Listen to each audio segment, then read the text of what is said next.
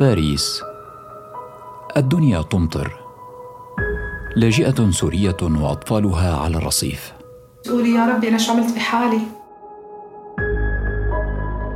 تعددت محطات رحلتها للنجاة بنفسها وأطفالها من الحرب في سوريا. اجتازت حواجز صعبة وفي كل محطة حملت قلمها وأوراقها لكنها في أصعب مراحل حياتها توقفت عن الكتابة. بهذيك الفترة كانت إيمان الإنسان كلياتها ما أنا موجودة. كان في فقط إيمان الأم. قررت إيمان في بلد غريب لا تتكلم لغته أن تحقق حلمها الأدبي. في بودكاست فصول هذه قصة الكاتبة السورية إيمان مسلماني.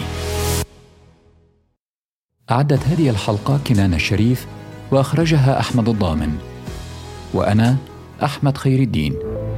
مع النروي فصول الحكاية. حلب العام 1996 بدأت إيمان كتابة أولى رسائلها بعنوان سيجارة. كانت الرسالة لوالدها الذي كان يرقد في المشفى بعد إصابته بجلطة. اعتقدت إيمان أن التدخين كان السبب الرئيسي وراء مرضه فكتبت له رسالة تلوم فيها السيجارة. فالبابا صار يبكي أنا مالي خبر أخوي حكى لي إنه البابا صار يبكي وتأثر كتير بالموضوع. بعد تلك الرسالة استمرت إيمان في كتابة نصوص قصيرة ونشرها في مجلات محلية وشاركت في فعاليات أدبية. قابلت كتابا وأدباء وتيقنت حينها أنها تحب الكتابة. شاركت آه، مرة بحمص وكان على مستوى القطر وهي كانت أجمل أجمل لقاء. كنت أنا لساتني صغيرة يعني هي كمان يعني ما في 16 سنة ونص آه، كنت في في الثانوي. وشاركت كان أول مرة بحس بحس بهذا الشعور الكتير جميل.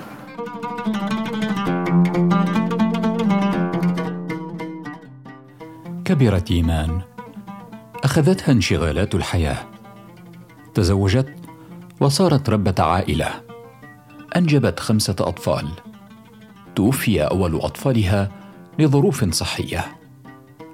أبعدت هذه المسؤوليات إيمان عن الكتابة.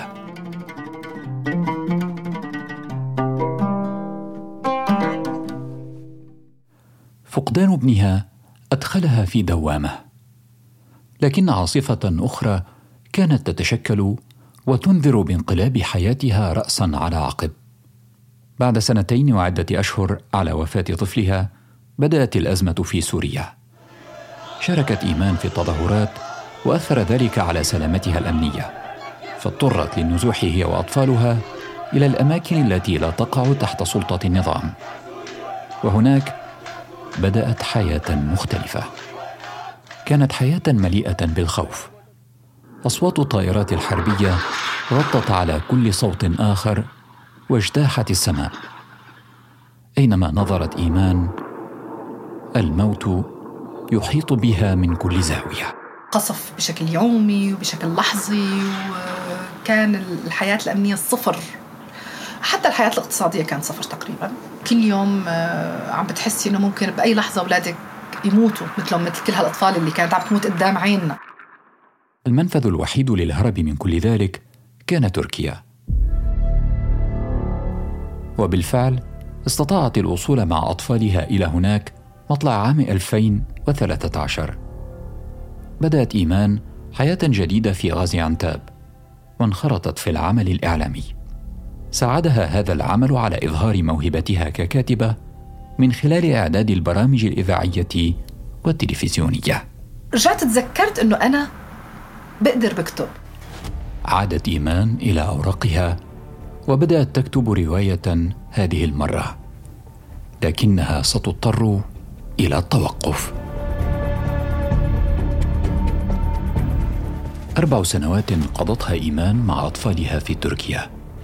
كانت بدايتها آمنة ولكن مع مرور الوقت انعدم هذا الأمان اغتيل زميل صحفي لها والذي كان يعمل معها في المكان ذاته. تقول إيمان إن التهديدات المباشرة بدأت تطالها بشكل شخصي. وتقول أيضا إن أطفالها لم يسلموا من هذه التهديدات. صار في تهديدات شخصية لإلي. صار في تهديدات للأطفال لأنه صار في ناس ينزلوا على جنينة بيتي. فكان الموضوع الخطر آه، يعني محيط حولي وحول أطفالي بكل الاتجاهات.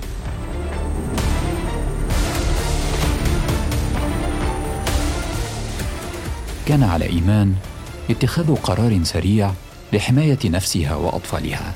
بدأت بتجهيز نفسها للسفر إلى بلد جديد. كانت فرنسا الخيار الأسرع. تواصلت إيمان مع منظمة مراسلون بلا حدود التي تعنى بحرية الصحافة. كما راسلت السفارة الفرنسية في تركيا املا في اللجوء إلى فرنسا. وبالفعل تم استكمال إجراءات اللجوء سريعا. إيمان تستقل الطائرة مع أطفالها. وبعدما أقلعت الطائرة كانت المشاعر مختلطة في قلب إيمان. بين فرحة الوصول والخوف من المجهول. بالطياره ماني مصدقه انه الطيارة تنزل وأنا وصل لفرنسا. كان الموضوع بالنسبة لي إنه معقول؟ معقول إنه أنا فعلا أخلص من كل هذا الرعب؟ الطائرة تصل إلى مطار شارل ديغول الدولي في باريس في الحادي والعشرين من شهر آب أغسطس للعام 2018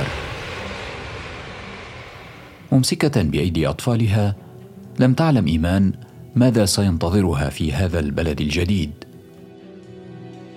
بس أنا بالمطار أنا أنا ماسكة إيدين أطفالي الأربعة.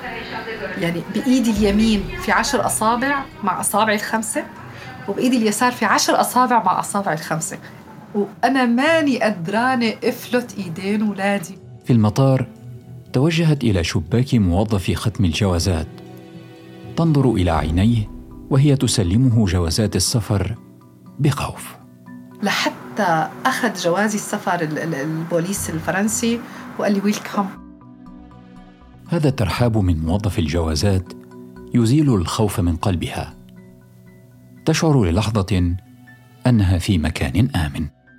قال لي ويلكم بابتسامة. حسيت أنا إنه ما بعرف شو حسيت بس اللحظة الأولى يمكن من من خمس سنوات كانت أو من ست سنوات اللي بحس فيها بالقليل من الأمان. تخرج إيمان من المطار متجهة إلى إحدى الجمعيات الخيرية. لكن اللغة كانت عائقا للتواصل. ابنها ذو الأحد عشر عاما يتحدث الإنجليزية يساعد ذلك قليلا في فهم بعض الكلمات. هلا هو كان نهار الصبح أنا وصلت آه، أخذوا لي جماعة عند جمعية وقالوا لي هي الجمعية ممكن تأمن لك سكن. إيمان تصل إلى باب الجمعية الخيرية وتفاجأ بطابور طويل من اللاجئين. هلا أنا وصلت لعند الجمعية فوجدت صف طويل جدا جدا جدا من البشر. أول مرة بحياتي بشوف هيك صف. الخيار الوحيد كان الانتظار. تنتظر وأطفالها لساعات حتى يحين دورها لتحصل على مكان تنام فيه هي وأطفالها. الموظفون هناك يخبرونها أن عليها أن تنتظر أن يأتي أحد الفرنسيين الذين يتبرعون لإيواء الواصلين الجدد في منازلهم لفترة محدودة. لم تكن إيمان تعلم كم من الوقت عليها أن تنتظر. وأنا عم أقول لهم إنه أنا ما في وين بدي أروح وين كذا. المهم بالأخير دخلوني بما إنه معي أطفال دخلوني على هذا المجمع. وهي الجمعية وحاولوا وجابوا لنا يعني وقتها أكل جابوا لنا وجبات يعني كان في هيك شيء بس قالوا لي نحن ما بنقدر نعمل لك أي شيء بدك تطلعي تقعدي برا بالشارع وممكن حدا من الناس يشوفك ياخذك على بيته. قلت له لا أنا ما راح أطلع من هون. ما راح تطلعي راح تبقي بس نسكر راح يعني نجيب البوليس ونطالعكم لم يعد هناك حل سوى الاستسلام. والخروج والانتظار على الرصيف حتى يأتي أحدهم عله يختارها كي ينزلوا في ضيافته. بعد أخذ ورد وخلص يعني أنا فقدت الأمل فعلا إنه أنا ما رح ي... ما رح يقدموا لي أي شيء. طلعت لبرا شو بدي أعمل يعني؟ مثلي مثل كل مثل آلاف هدول الناس الواقفين. كان النهار طويلا. الصيف هنا لا يعني أن السماء صافية بل كانت تمطر. انتظرت إيمان على الرصيف تحت المطر قرابة الأربع ساعات. أطفالها حولها بدأوا يتململون. كانت تنظر إليهم لا تعلم ماذا عليها أن تفعل أو أن تقول. بدأت تلوم نفسها. هل كانت هذه الخطوة صحيحة؟ على الأقل في تركيا كان لديها سقف يأويها. ماذا لديها هنا؟ ولكنها هونت على نفسها عندما تذكرت الخطر الذي ينتظرها في تركيا. هلا يمكن هون للحظة بتحسي بتقولي يا ربي أنا شو عملت بحالي؟ يعني بترجعي بتقولي إنه على الأقل صحيح كنتي في حالة أمنية كتير كتير كتير سيئة بس كان في سقف. اولادك ما قاعدين بالشارع اولادك ما عم ينظروا لك نظرة إنه ماما وين جبتينا. هذا الشعور كتير قاسي. تمالكت نفسها قليلا. وما إن رفعت رأسها حتى رأت أمامها جوال. قررت هذه السيدة الفرنسية استقبالها في منزلها. بعد ما أنا قاعدة بهي الفترة بتيجي امرأة عجوز يعني بتطلع بالسبعين وبتشوفنا بتقلي إنه أنت ما عندك بيت؟ هي قلت لها لا. قامت قالت لي أنا مستعدة أستقبلك. ثلاث أيام ببيتي. بعد وصولها إلى منزل جوال اتصلت بأحد أصدقائها آملة في أن يساعدها في إيجاد منزل. نصحها بالذهاب إلى الجنوب الفرنسي مكان إقامته بعد عدة أيام. اتبعت نصيحته وذهبت إلى جنوب البلاد. كان الوضع سيئا جدا. لم تستطع البقاء طويلا في منزل إحدى السيدات التي تقول إيمان إنها أساءت معاملتها.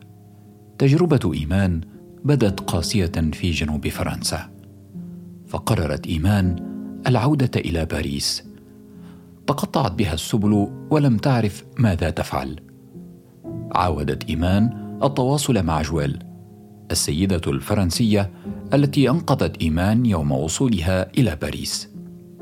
فوافقت جويل على أن تستقبل إيمان في منزلها للمرة الثانية. جويل بالنسبة إلي هي ذكرى رائعة. طالت حالة عدم الاستقرار في المنزل المؤقت. فكانت إيمان تضطر في كل مرة تخرج لقضاء أمورها أن تأخذ كل مدخراتها وأوراقها الرسمية معها. لم تكن تعلم خطورة هذا القرار حتى أتى يوم لم تتوقعه إيمان خلال إحدى تنقلاتها في مترو باريس يسرق لص كل مدخراتها صدمة مؤلمة توقفها وسط الازدحام صامتة ومذهولة.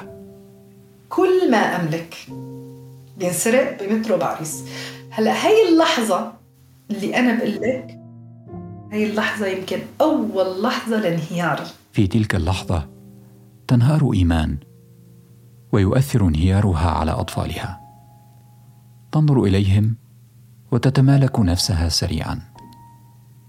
ثم تذكر نفسها أنها مرت بأصعب مما تمر به الآن. وأنا عم بتطلع حوالي لسه ماني فهمان القصة وولادي عم يبكوا نهاروا قدامي. طب أنا إذا أطفالي انهاروا وأنا انهرت مين بده يشيلهم؟ عدت للتماسك. حاولت إني أفكر إيه أوكي يعني ما هي نهاية العالم. كنا تحت القصف. أنا بهذيك اللحظة قلت إنه أنا كنت تحت القصف والطيارة كانت قدامي عم تقصفني وعشت ووصلت لهي النقطة. هلا ما بقى في شيء أكثر من هيك. لم تستطع البقاء طويلا في منزل جوال لأن جوال مريضة ولم يعد بإمكانها أن تستقبلهم في منزلها وقتا أطول. كان على إيمان التصرف سريعا. تواصلت مع جمعية أخرى ساعدتها في إيجاد منزل مؤقت إلى أن تحصل إيمان على دعم حكومي. الدعم جاء أخيرا. وفر لإيمان بيتا في جنوب البلاد مرة أخرى. الجنوب ألم يكن حظ إيمان سيئا في الجنوب؟ نعم. وهذه المرة لن تكون مختلفة. تقول إيمان إن الحي الذي نزلوا فيه كان موبوءا ولكن لا خيارات أخرى. كان عليها القبول. بالجنوب آه، أعطوني بيت بحي كثير سيء. حي الحشيش. هون بدأت معاناة أخرى. المنزل الجديد ليس ما كانت تحلم به إيمان. هنا شعرت بالظلم. يعني الظلم عم يلحقني بيلحقني بيلحقني من مكان لآخر حتى وصل لحي الحشيش. أنا كيف بدي ربي اولادي أنا هربت من كل هديك المشاكل لحتى اوصل لنوع من الاستقرار. بعد فترة من الانتقال للمدينة الجديدة ساء وضع إيمان النفسي وهو ما أثر على صحتها وعلى إثره دخلت المشفى. كانت تشتكي من آلام شديدة في ظهرها. أخذوني على القسم العصبي. آه، حطوني ثمان أيام بالقسم العصبي. قالوا لي بحاجة أنت لل... يعني للراحة. خارج المشفى في ذلك الحي الموبوء هناك مسؤوليات تنتظرها. أربعة أطفال. منع ذلك إيمان من الركود للراحة في المشفى حتى تتم فترة علاجها. لم يكن لهم أحد يهتم بهم سواها. طلبت اني اطلع خلص ما بقى بدي. بقيت بعدها كمان ثلاثة شهور مثل انسان تحت التخدير. يعني كلياتني آه، موصلة من التعب والإنهاك إنه تشوفيني تحسيني أنا مخدرة. طبعا هون مسؤولية تبع أطفال أنت بدك تفكري تفكري بأكلهم تفكري بشربهم. إيمان في وضع مالي صعب. ليس معها ما يكفي لإطعام أطفالها. هون كثير تأخروا لبين ما دفعوا لي مبلغ آه، عن أطفالي فكان أنا يعني المبلغ اللي اخذه كثير كثير كثير بسيط. اضطر أروح على الجمعيات لجيب آه، الرز وال... وكل ما أروح على الجمعيه أبكي. لأنه يعني أنا ما بدي أنزل ما بدي أشحد. أنا ماني جاي لهون لأشحد. تزايد هذه الصعوبات كان السبب في عودة إيمان للكتابة بعد انقطاعها الطويل. كانت العودة للكتابة بمثابة العودة للحياة. هون أنا صحيت لنفسي. في إنسان مضغوط عليه لدرجة إنه هو ما له موجود مهمش ما في له أي حق. بهاي المرحلة أنا قلت لا هذا الإنسان لازم ياخذ حقه من الحياة. وبهاي المرحلة أنا رجعت للكتابة. عادت إيمان إلى الرواية التي تركتها. ها هي الآن في جنوب فرنسا.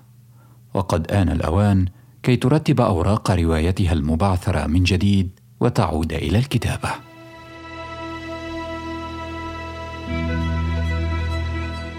قررت نشر الرواية التي انتهت من كتابتها وانقطعت سنوات عنها بسبب كثرة الترحال. خلص أنا إيمان حان لها أن تنشر شيء من كتاباتها. آخر تدقيق كان للرواية اضطريت أطلع بالقطار من مدينتي لباريس في خمس ساعات. خمس ساعات خمس ساعات روحة خمس ساعات رجعة. ما عملت أي شيء غير أنا قاعدة بالقطار. لأنيني انتهي من روايتي. خلاص أنا بقى بدي سلمى أبعتها للناشر بانتظار لحظة من الفرح بعد كل هذه المعاناة جلست إيمان في منزلها تمسك هاتفها لتستقبل المكالمة الأهم في حياتها. هذه اللحظة انتظرتها إيمان منذ سنوات مراهقتها. خمسة المساء اتصلوا معي؟ وقال لي خلص هذا الكتاب طلع من المطبعة. صار بين إيدي. فأنا هو عم بيقول لي وأنا عم بنط وبصرخ وعم عم يعني ما بعرف شو عم بعمل عم بطلع بمشي برقد من البلكون لجوا للصالون. تصدر رواية لامور رواية إيمان الأولى في الخامس والعشرين من أبريل نيسان للعام 2020 بعد سنتين ونصف السنة من وصولها إلى فرنسا. رواية تتحدث عن العشق والموت. اختارت إيمان أن يكون عنوان روايتها الأولى باللغة الفرنسية. لم تخفي إيمان تأثير الحياة الغربية عليها. تحمست لكتابة ديوان شعري بدأته في فرنسا. يروي قصص النساء الشرقيات في المجتمع الغربي. وبالفعل تم نشر هذا الديوان. وكان كتابها الثاني بعنوان شرقية على أرصفة غربية. إنسانة شرقية 100% وبدأت تعيش جزء من الحضارة الغربية أو من المجتمع الغربي اللي فيه طبعا إلى كثير من الانتقادات عليه واللي هي كثير معجبة ببعض الأشياء فيه. ترى إيمان أن من واجبها ككاتبة سرد قصص النساء الشرقيات المثقلات بعبء المسؤولية وتتحدث إليهن من خلال كتبها. كلياتنا بنعيش صعوبات بس أهم شيء ما نستسلم. نرتاح شوي من حقنا كلياتنا نرتاح. بس ما نفكر بلحظة من اللحظات إنه الحياة رح توقف عن نقطة التعب.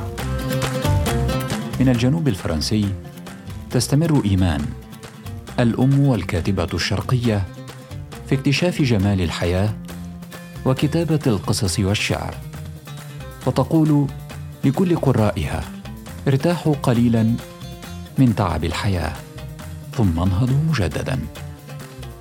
كانت هذه تحيات كنان الشريف في الإعداد وأحمد الضامن في إخراج هذه الحلقة.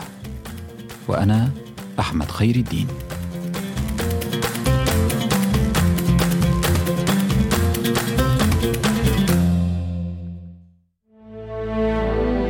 استمعوا لبودكاست فصول على تطبيقات البودكاست Apple و Google و Spotify و SoundCloud وعلى الحرة dot com.